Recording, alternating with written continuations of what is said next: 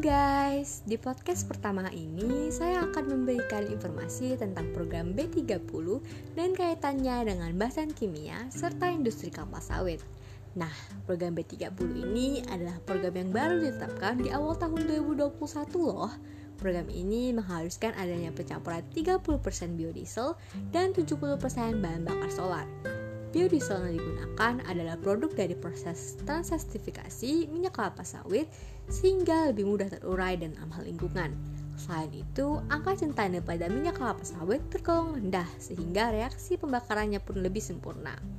Dalam bahasan kimia, ketika suatu senyawa mengalami pembakaran sempurna, emisi CO2 yang dihasilkan lebih sedikit dan tidak berbahaya. Ketika emisi CO2 ini naik ke atmosfer, emisi ini dapat dengan mudah dipantulkan kembali dan digunakan kembali oleh tumbuhan untuk berfotosintesis. Sehingga efek gas rumah kaca yang terjadi pun sedikit dan persentase global warming pun dapat menurun. Dari segi ekonomi, program ini juga sangat mendukung industri kelapa sawit karena dalam pelaksanaannya menggunakan kelapa sawit sebagai bahan baku utama, sehingga penjualan kelapa sawit pun dapat meningkat. Sekian dulu guys informasi yang dapat saya berikan. Terima kasih udah dengerin podcast kali ini. Bye bye.